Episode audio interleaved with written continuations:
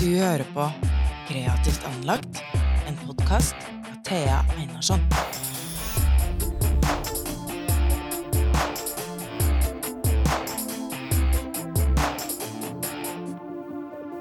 Sunniva Hartgen, velkommen til Kreativt anlagt. Hei, takk. Du jobber som stylist.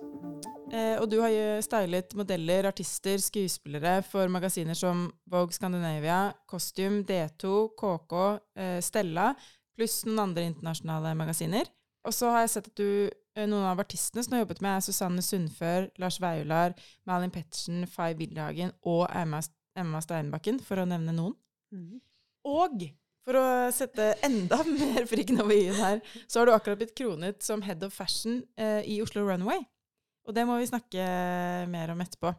Så da bare hopper vi rett i det. Eh, hvordan, hva tenker du om å, hvordan er det å style såpass kjente profiler som du, som du jobber med? Det er veldig mange i f.eks. familien min som har stilt meg det spørsmålet, og lurer på om jeg får eh, Hva heter det? Um, prestasjonsangst, Ja. eller Ja. at jeg blir starstruck og de tingene, og det gjør jeg iblant. Mm. Um, hvis det er noen jeg virkelig er fan av sjøl, på et visst punkt uh, i, når man er stylist, så tar man jo kun jobber med folk man digger, da. ja. Eller har lyst til å bli bedre kjent med. Ja. Men man må jo på en måte iblant klype seg litt i armen og sånn Oi, shit, nå, nå jobber jeg faktisk med den og den personen, eller det er jo eh, ganske fett. Og en ære, da.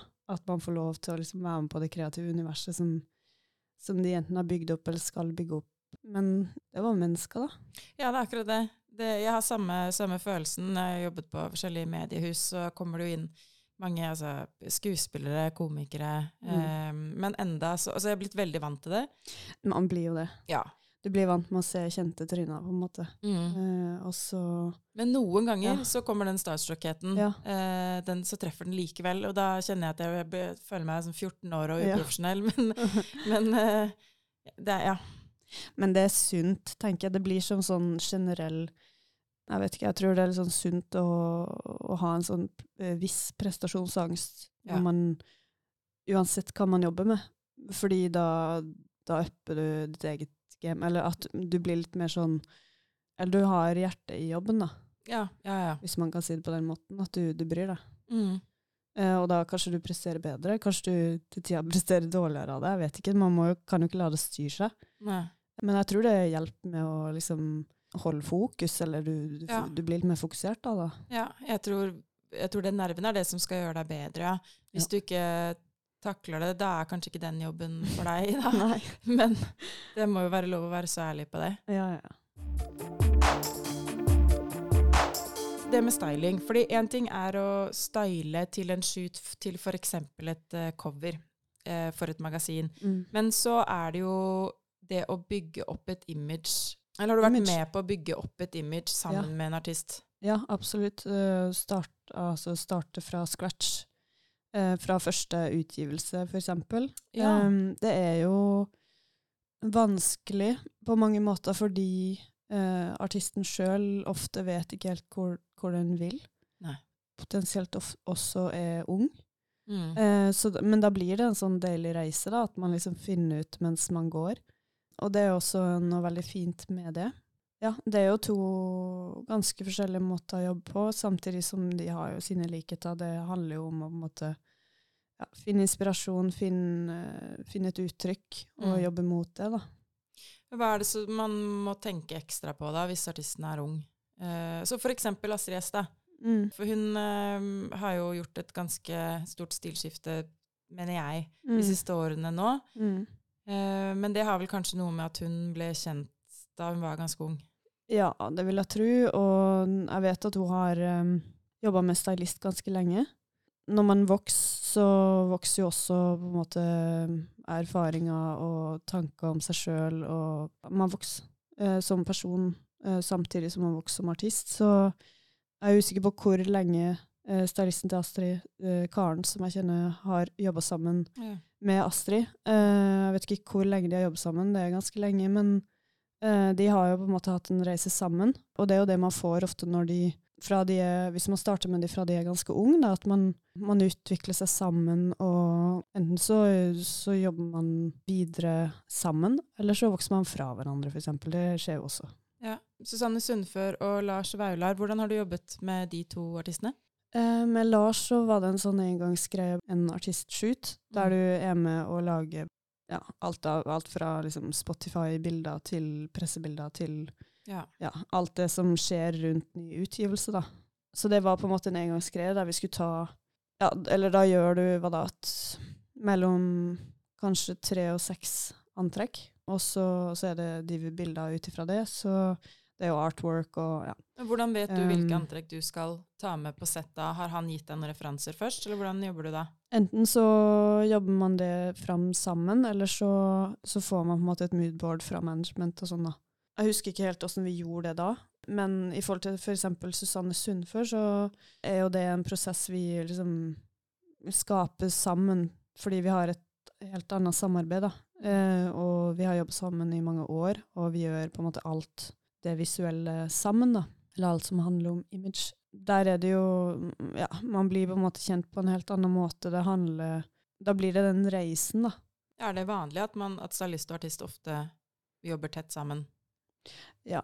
I hvert fall hvis de har inngått på en måte samarbeid, da. Ja. Eh, så da handler det om å bli kjent, og fordi for hver utgivelse eller hver nye greie. Så skjer det jo kanskje noe nytt. Eller artisten har lyst til å gjøre noe nytt, eller at uh, stylisten har lyst til å gjøre noe nytt, eller har noen andre tanker for Man jobber fram noe nytt innenfor gjerne det, det samme universet Ja. hver gang. Fordi du skal Hvis du jobber med et spesifikt image, så, så jobber du jo gjerne innenfor en viss eh, vibe, da. Mm. Og så utvikler man det på et vis. Ja, ja. Ja. Det er ofte variert. Kommer det en ny skive, så kanskje, man, kanskje det er litt annen look enn man gjorde før, men vi er fortsatt i samme univers, for det er fortsatt samme artist. ikke sant? Mm. Med mindre de skal rebrande seg helt og gå inn for en ny sjanger, eller liksom.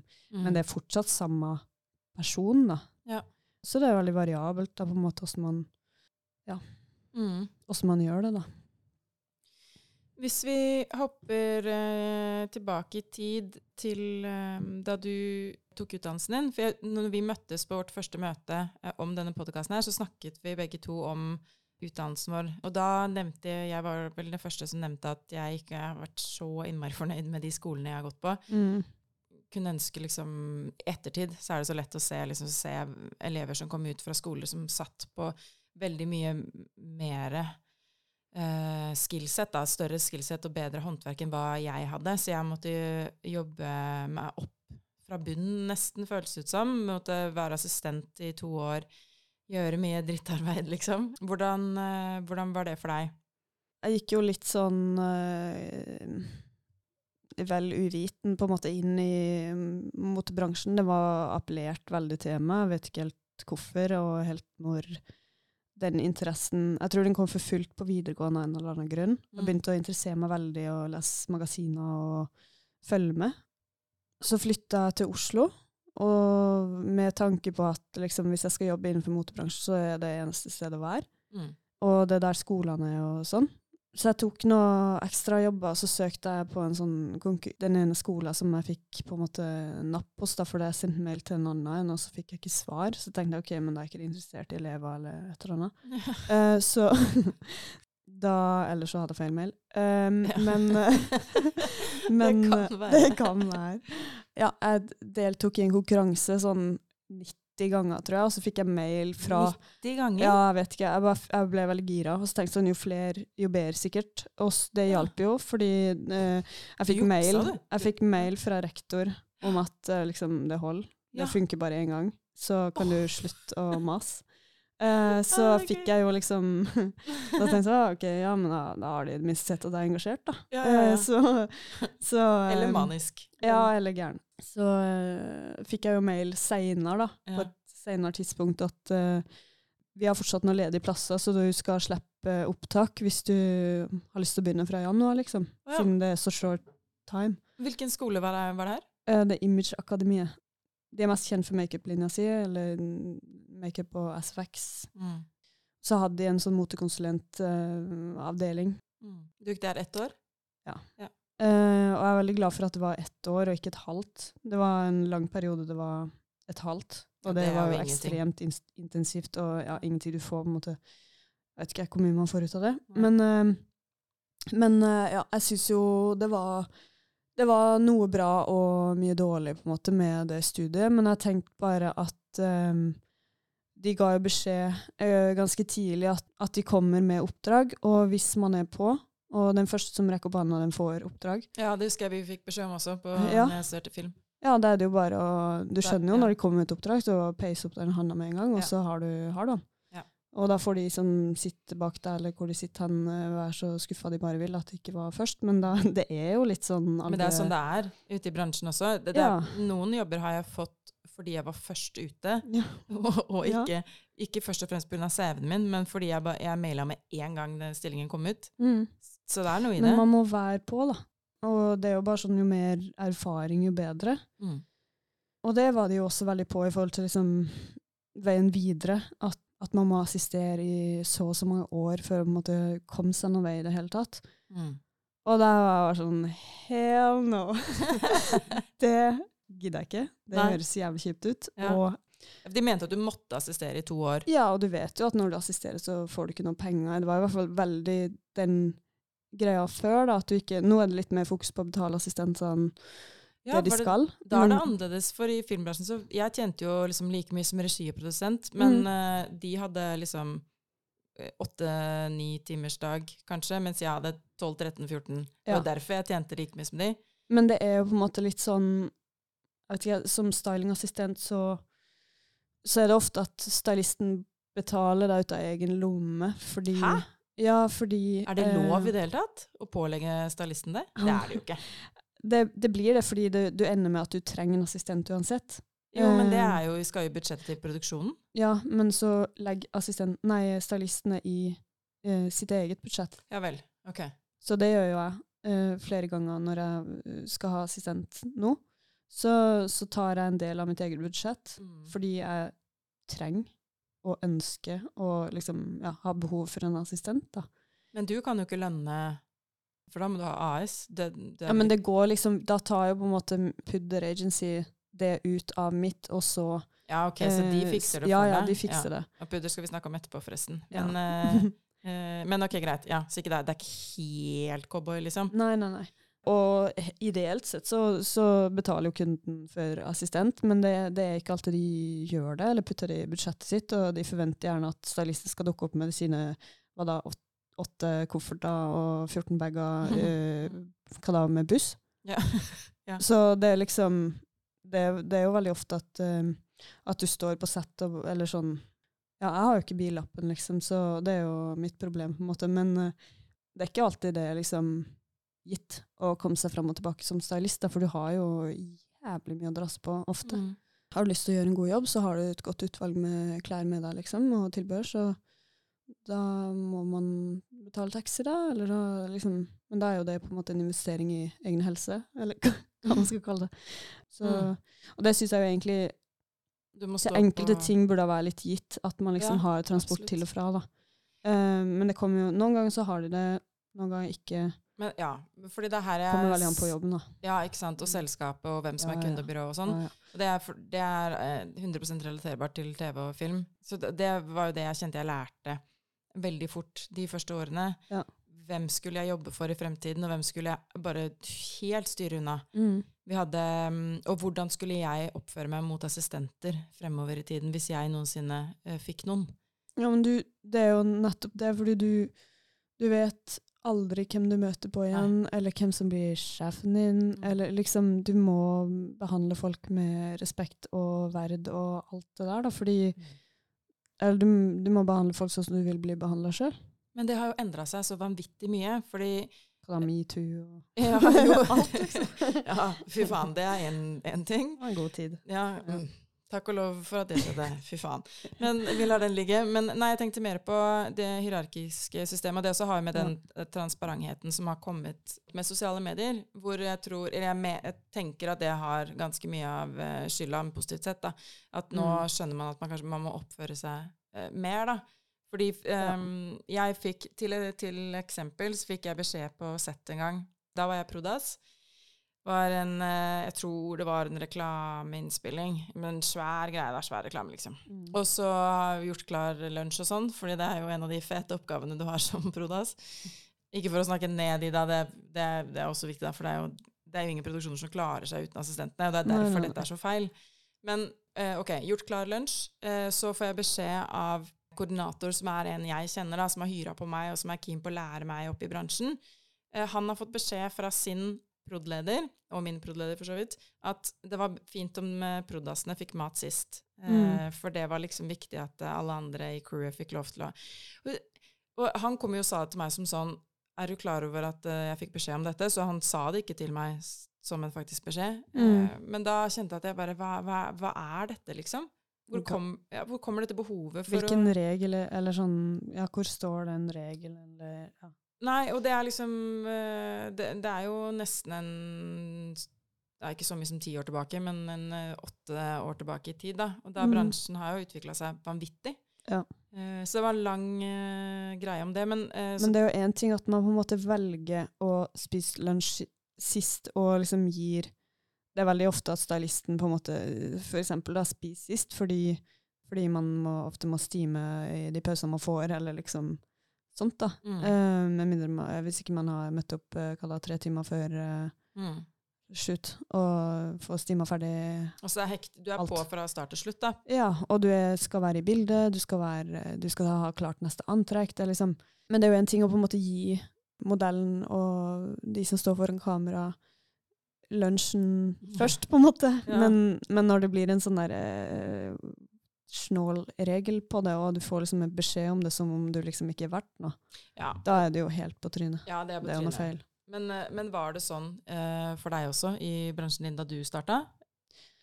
Jeg tror, jeg tror bare sånn det der når du hele tida får beskjed om at du ikke er verdt noe ved at liksom Du blir alltid siste pri i budsjettene, og Ja. liksom Man blir ikke inkludert før veldig seint i prosessen, og det skjer jo ofte enda, at, at stylistene liksom er de siste som på en måte blir Mm.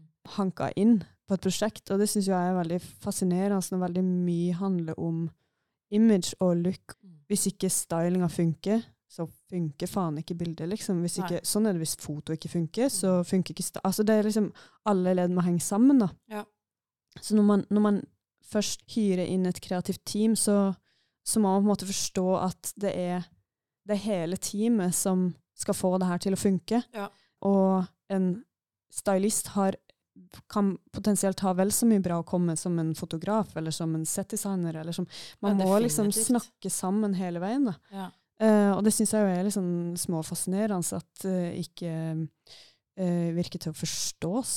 Mm. Eller hva, hva skal vi kalle det. ja. ja, det er spesielt. Er det forskjell på lønn også? På fotograf og stylist og Ja, men det, det er jo på en måte Det er nok foto som stort sett har best betalt, men veldig mye av budsjettet til foto går jo inn i utstyr. Ja, det er sant. Eh, så det er ofte Ja. Mm. sånn. Så det er ikke nødvendigvis så mye som går i lomma til fotografen. Ofte så går jo liksom Mitt budsjett går jo på en måte i lomma mi, eh, eller til eh, ja, Forhåpentligvis så har man stylingutlegg, men noen ganger skjer det jo at man liksom må betale for det sjøl, og Mm. som jeg sa i stad, betale for assistent og liksom Mm. Kommer helt an på oppdrag eller hva det er. Liksom, det er liksom vanskelig det med budsjett fordi det er så forskjellig fra hvert oppdrag. Ja. på et vis. Og det er ikke alltid jeg har så mye med det å gjøre heller, som er digg, og grunnen ofte til at man har et agentur Mm. som tar dealer med de tingene som er sånn snork. Ja, ja for eh, du har et agentur, så da kan vi gå inn på det. Pudder Agency heter de. Mm. De er vel en av, i hvert fall i Oslo, jeg vet ikke hvordan det er på landsbasis, men i hvert fall i Oslo så virker det som om de er liksom en av de ledende agenturene for stylister, hår, kostyme Nei, kostyme. Kostomask var det jeg tenkte på nå. Um, men nei, beklager. Altså stylister, fotografer og hår og makeup, makeup, heter det. Ja. Eh, stemmer det at det er de, liksom, de største i, i hvert fall i Oslo? Eller kan man si på landsbasis også? Har jeg veldig lyst til å si ja, men det er jo flere agenturer, på en måte. Eh, Ja. men de er vel de eldste, Ok. tror jeg. Mulig jeg sier noe feil, men eh, jeg mener det. Nei, det har blitt litt flere sånn uh, små agenturer, på en måte. Mm. ulike agenturer, folk som har gått ut, gått ut privat eller dratt med seg andre, bla, bla, bla. Mm. Men de er jo et av de store, da, kan Mm. man si. Ja. Når var det du begynte å jobbe for dem? Tror det var i 2016. Ja, Hvor lenge etter skolen var det? 2017. 2016. Jeg gikk hele 2013 gikk jeg på skole fra januar til desember. Mm. Uh, så da var det jo to-tre år da, Ja. etter. Og jeg var jo veldig sånn Pudder var jo det eneste målet jeg hadde. ja, det var det. Det har egentlig vært det eneste karrieremålet jeg har hatt uh, noen gang. Kjemperart, kanskje. Men, Nei, det er jo eh, ikke det. Du, du ser på de som de har altså, En av Janne Rugland, for eksempel, Mm. eh, fotograf. Hun har vært jo innom Pudder. ja, Er hun ikke det nå lenger, Nei, kanskje? Nei, vært okay. innom. For hun Eh, tar jo bilder. Jeg syns hun er helt fantastisk. Ja, og helt rå. Ja, Måten hun framer på. Ja, ja. Åh, men nå er det jo ikke hun jeg har her. Er, Veldig så, delikat. ja, Nei, men altså, er jeg elsker utrolig. Janne. Ja. Ja, det er jo liksom Det har vært veldig mange bra folk innom. Mm. Og det var jo en skikkelig god krem der det starta, blant annet mange av de som var med å starte det. ja. For eksempel um, Lotte Shepherd var jo innom, innom skolen da jeg gikk der, og jeg ble veldig inspirert av henne. og jeg visste jo veldig godt hva pudder var da, når jeg begynte å liksom orientere meg i bransjen og sånn. For, og de av oss som ikke vet hvem Lotte Shepherd er. Hun var stylist, eh, en av de store vil jeg si da, i pudder, og uh, sammen med Margrethe Gilbo, Linda Sande. Det var liksom gamle kremmen, da, eller hva man yeah. skal kalle det. Ja, ja. Uh, det er jo noen av de som Linda jobber jo med styling enda. Margrethe har gått over til keramikk. Og Lotte er litt usikker på hva hun driver på med nå. Mm. Men det er noen grø grønne greier. Ja. Men, men hun var innom skolen, og hun hadde en sånn konkurranse, på en måte, der hun skulle liksom kåre en vinner av en sånn Vi skulle få en oppgave hele dagen, og så Mm. skulle hun liksom kåre vinner, da. Eh, og så vant jeg den, og hun booka meg inn som assistent på et par ting. Mm. Og det tok jo jeg som et sånn innpass i pudder. Eh, no shame, liksom. Men Du kan jo ikke ha sånn- det yrket her, du må jo bare kjøre. Nei, det var det jeg skjønte. Jeg har liksom vært litt sånn derre eh, type som trives i hjørnet hele livet. Tenkte bare sånn, ok, men hvis jeg skal noe sted i denne bransjen Dessuten hater jeg å studere. Hvorfor likte du ikke det? Jeg har aldri likt. Selv om det var innenfor noe du Jeg tror bare det å sitte på ro i ræva og høre noen prate, er Ja. bare sånn jeg så, Nei, så bare tenkte ok, men da eh, Nå har i hvert fall noen i pudder sett meg, på en måte, så Mm. må jeg bare prøve å gjøre meg synlig for dem. Ja. Og nå vet jeg hvem de er, og nå kan jeg liksom prøve å jobbe meg mot det, da. Snakka litt med altså de som sitter på managementet, og bare sånn Maren, da, som er min manager, og var uredd på å ta kontakt og Mm. så jeg har liksom veldig aktivt på et vis, uten å være liksom for pushy, tror jeg. Ja. Uh, selv om det høres jævlig pushy ut, eh, måten jeg sier det på. Men uh, Ikke for meg, men, Nei, okay, jeg, ja. men kanskje for folk som ikke er i bransjen Eller nei, jeg tror ikke det. jeg tror bare sånn for mitt eget DNA, ja, kanskje for så deg, høres ja, det jævlig sånn uh, At det er unaturlig for deg, ja, Ja. personlig. Ja, ubehagelig å, å være sånn, fordi jeg er ikke noe sånn Jeg er ikke noe glad i å liksom selge meg sjøl eller sånn ta plass, egentlig. Eh, selv om liksom stilen min og alt sånn kanskje sier noe annet. Men iblant, i hvert fall. Jeg skjønte veldig fort at her må jeg være uredd hvis jeg skal noe. Jeg, apropos det at jeg ikke liker å studere. Jeg gidder ikke å kaste bort et år av livet mitt på å studere noe jeg ikke brenner for. Eller Nei, nei. liksom Så her må, her må det jobbes. Her Mm. må du bare Mm. peise på. Eh, og hvis du skal noe vei, så er du nødt til å bane den sjøl, og så må du bare finne ut av det. Og liksom, ja I all ydmykhetens navn, håper jeg å si. Eh, ja, bare tørre å ta litt plass, da. Mm. Ja, og det har blitt veldig sånn, heldigvis da, altså i hvert fall i sterk kontrast til de profesjonsstudiet som det var for eh, et par generasjoner tilbake. Nå så, det kan jo liksom egeninnsats og portefølje veie veldig mye opp for eh, enten lite skole eller ingen skole. Um, som jeg, som jeg syns er riktig, da, for hvis arbeidet ditt er godt nok. Men da trenger du kanskje litt ekstra lengre tid på å lære deg lingoen eventuelt, da, eller whatever. Men um, Ja. jeg syns den åpenheten der er fin, fordi da kan det være plass til, til alle personlighetstyper. Mm. Og da, deg også når du sier at det har føltes out of character og skulle ta såpass mye kontakt at Mm. det som oppleves så mye for deg, oppleves egentlig som helt normalt for meg. Men Ja, og sånn, jeg er ikke noen sånn der type som kommer inn og tar rommet, liksom. Jeg synes det superdeilig å bare snike meg inn og Ja, det er interessant, for det stemmer jo ikke helt overens med hvordan du fremtrer, tenker jeg. Fordi Nei. vi møttes på en shoot hvor du var stylist, Mm. eh, og jeg var og filma. Og da eh, Jeg la kjempegodt merke til deg. Eh, bare fordi du er, du er veldig e, altså, egen på um, Altså har en egen eh, unik stil, da, og er liksom Typete er det ordet jeg leter etter, tror jeg. Ja. Eh, Og jeg syns jo det er kjempespennende, men det har nok noe med hva jeg jobber med å gjøre og sånn også, da. ja. Du leiter. Ja, ja, ja. Jeg leiter jo etter Men jeg elsker jo ty typer, mennesker. Syns jo det er kjempespennende. Men jeg er jo ikke redd for å skille meg ut. Eller sånn, jeg er ikke redd for å liksom Men jeg, nå, nå møtte du meg på et sted der jeg føler meg ganske trygg òg. Ja, ikke sant. Eh, Ja. Så det er jo litt forskjell fra liksom, hvis du møter meg på et event, på en måte, eller liksom Mm. en, en eh, jævla glitterfest, mm. der jeg liksom der alt handler om å, å snakke høyest og rope høyest og danse på bordet og alt det der, da sitter jo jeg med whiskyen i hjørnet og bare Ja. hater. Jeg vet ikke, jeg, bare sånn Det jeg er komfortabel med, er jo Jeg skjønner jo at jeg må være, skru på litt på jobb, på en måte. Og så ja. er jeg også liksom jeg bryr, meg, jeg bryr meg om å få bra bilder. Mm, mm. Så da er jeg ikke noe redd for å si meninga mi. Nei, ikke sant, for sluttproduktet er det viktigste, osv. Ja, ja.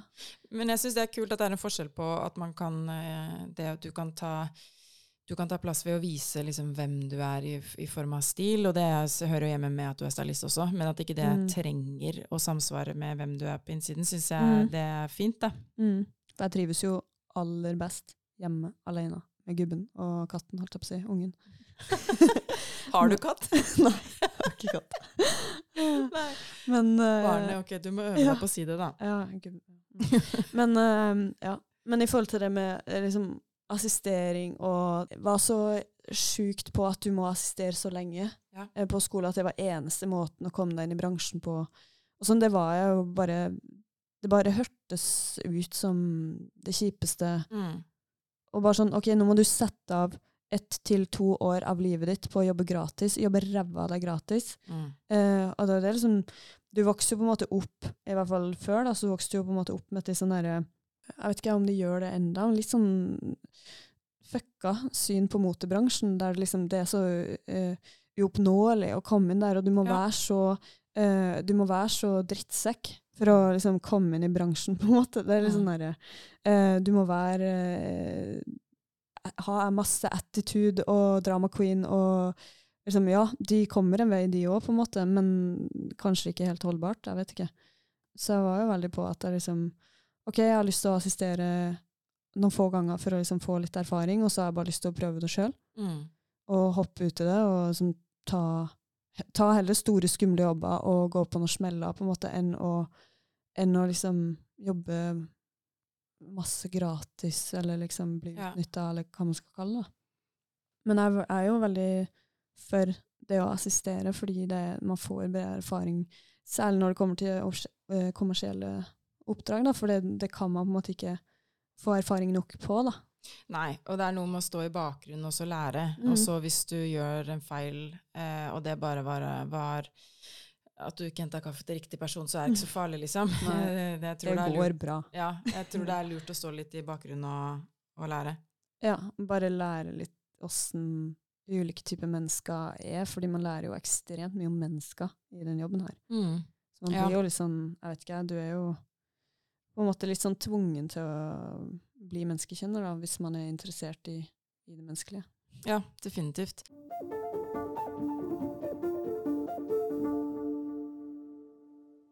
Hvis vi snakker om identitet, så lurer jeg på hva det ordet betyr for deg.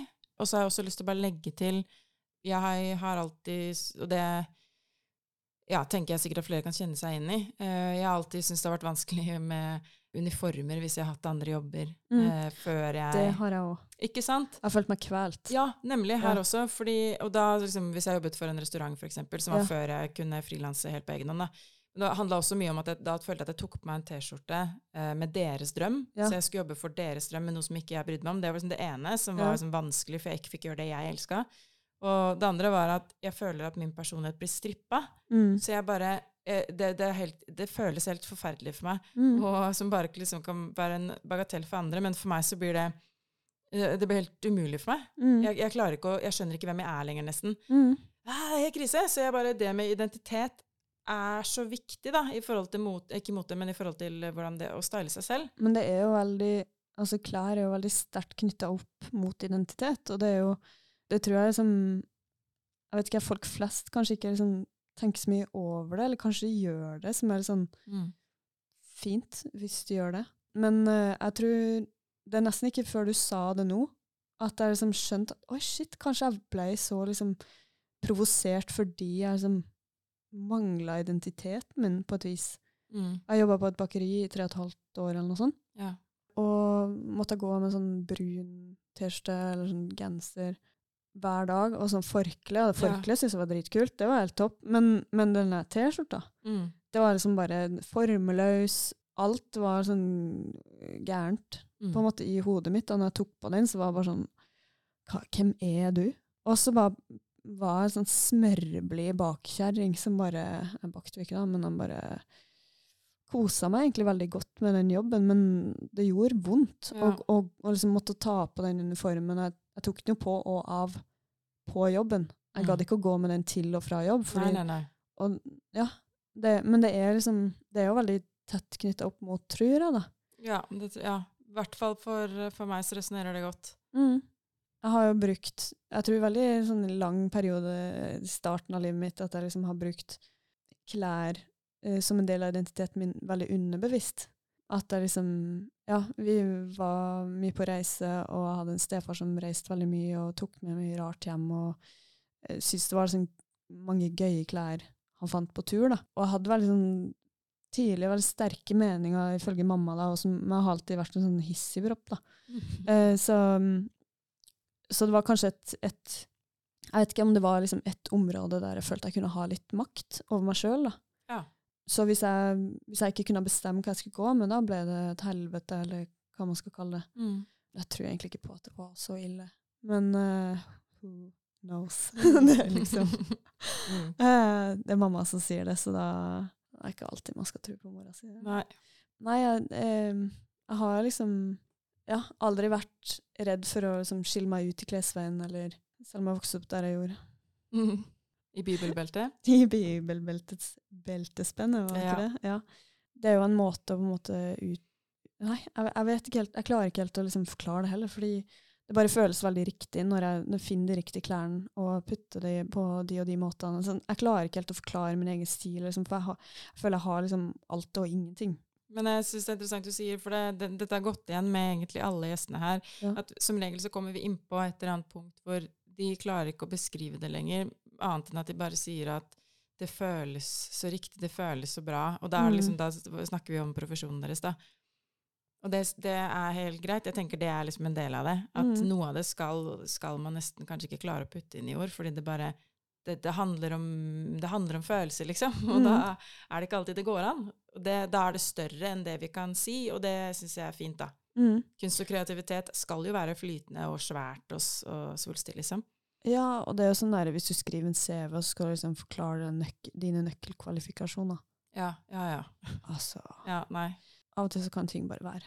Ja, ja, ja. Og det er vel derfor man har en portefølje, fordi det snakker, da. Men uh, før vi tar opp Head of Fashion-glorietittelen din, Mhm. så kan vi ta uh, Fordi det handler liksom om at eh, mote har fått en større og bedre plass i samfunnet nå enn hva det kanskje har hatt tidligere.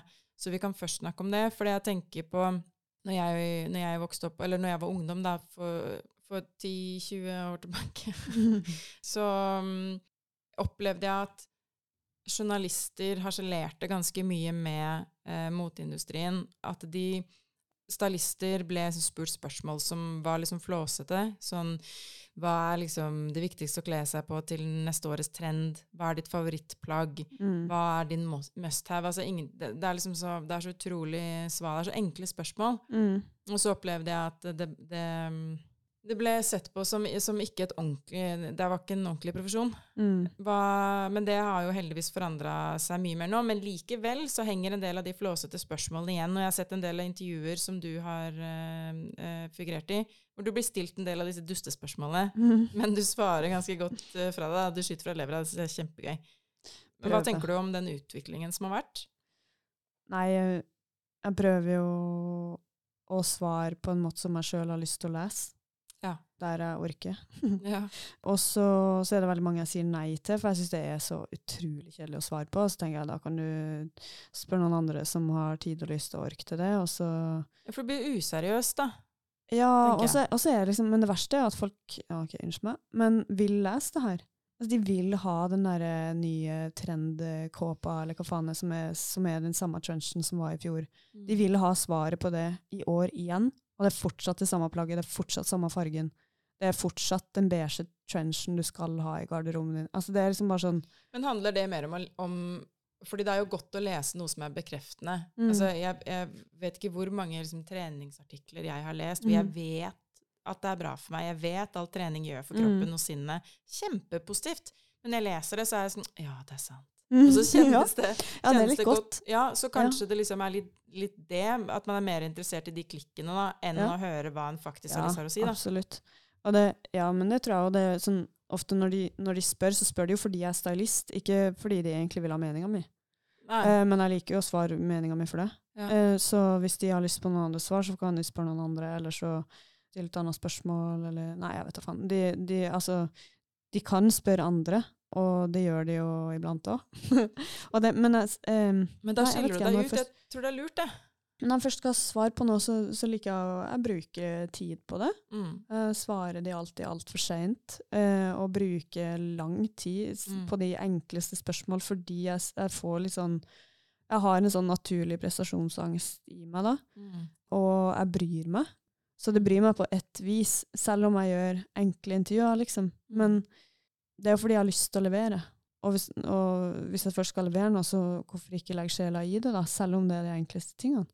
Jeg syns jo det er dritkjedelig å lese sånn Ja, nei, det her er trendplagget, og det vet vi. Og eh, den fargen her skal vi ha på oss i dag. Ja, ja, Altså, for det, sånn- det har jeg lest i, i flere intervjuer hvor du har fått det spørsmålet om hva er liksom neste årets trend. Og da har du ofte svart at uh, jeg bryr meg ikke noe om trender. Ja, og det Eh, kan du finne ut av like bra som meg, liksom. Ja, og det er så gøy. Og så syns jeg det er kult at det, det magasinet faktisk gidder, å, eller at de tør å trykke det, da. Fordi da, Ja. da ser man jo hvor dumt spørsmålet er. Ja, det er jo en man kan måte godt å se det snakke om trender, men da må man snakke om hva trender er, hvorfor mennesker er opptatt av det, for eksempel, liksom. Men, men Mm. de, den måten det blir simplifisert på, syns jeg det er litt sånn dust. Men der kunne jeg også ha gjort en, la oss si, litt bedre jobb også, og liksom aktivt sjøl gått litt mer i dybden Ja. på det, det spørsmålet, da. Mm. Så, så skylden ligger jo hos begge, mener jeg også. Mm. Da jeg velger jo å svare på det på min måte, men jeg kunne jo ha gitt enda mer hva da faglig tyngde inn i svaret mitt. Mm. Men nei, jeg vet ikke. Det, det, jeg syns jo det går det kan, det kan gå litt begge veier. Det er alltid to sider av en sak, er det ikke det? Tre, tror jeg Det er bare to. Eh, vi kan eh, gå, eh, Da går vi på Head of Fashion. Du har fått den, en jobb som for, en jobb. Dette er god, god intro. Ja. Uh, for Oslo Runway, Ja. som, eh, hvor tittelen din er Head of Fashion. Det høres jo superfasjonabelt ut. Ja, det gjør jo det. Hva, hva skal du gjøre? Eller kanskje du kan forklare hva Oslo Runway er, da, for de av oss som ikke vet det? Ja, det er jo en uh, motvisningsarena for norske designere Mm. i forhold til klær, noe lifestyle, tilbehør, smykker. Så det er liksom en visningsarena der vi skal liksom vise fram hva norsk mote har å by på, da. Det har aldri blitt en TV-sending av det, har det det?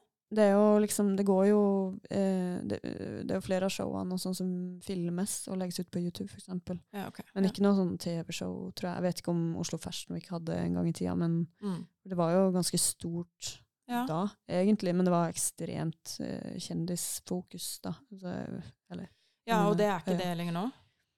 Nei, det er litt mer uh, nerd-bransjeretta, vil jeg si. Ja. Det handler jo om å vise fram det vi har å by på, da. Av eh, I alle mulige ikke nivåer, men å vise bredde er vel Ja. det jeg har i hvert fall mest lyst til. Ja, for du er ganske opptatt av norsk design og har vært det lenge. Ja, helt fra starten. Og, og, og det er jo viktig å vise fram det vi har å by på, for vi har veldig mye å by på. Og det er ekstremt mange flinke studenter, og du må ut og, og selge deg sjøl etter skolen, og så er det Og du er jo heldig på en måte hvis du blir plukka opp mens du går på skolen, Ja. men det er ekstremt mye som kan skje etterpå, da. Mm. Og så er det veldig mange som faller fra, og sånn er det alltid i kreative klasser, på en måte, at det er liksom de færreste som faktisk går ut og kan jobbe med det. Og det er dritvanskelig som designer. Jeg har jo som stylist alltid vært opptatt av å gå på visning, altså avgangsvisningene og eh, følge med på hva studentene lager, for ofte er jo de tingene de lager veldig mye mer spennende enn det jeg finner i PR-byrået, Mm. Ja, så du eksempel. har, du har et stort kartotek eller referanseramme nå da, til denne jobben. Ja, jeg kommer jo på en måte fra gulvet, som, og jeg kjenner jo samtlige, om ikke alle designerne fra eh, ulike samarbeid tidligere og i, over mange år. Og de kjenner jo meg, og det er jo alltid en fordel. Så jeg kommer jo inn som en rent kreativ, da. Uh, og er liksom ekstremt opptatt av det visuelle og liksom måten å vise på, og hva som med en, erfa altså en erfaring på hva jeg ønsker å se da, på en visning som Mm. stylist.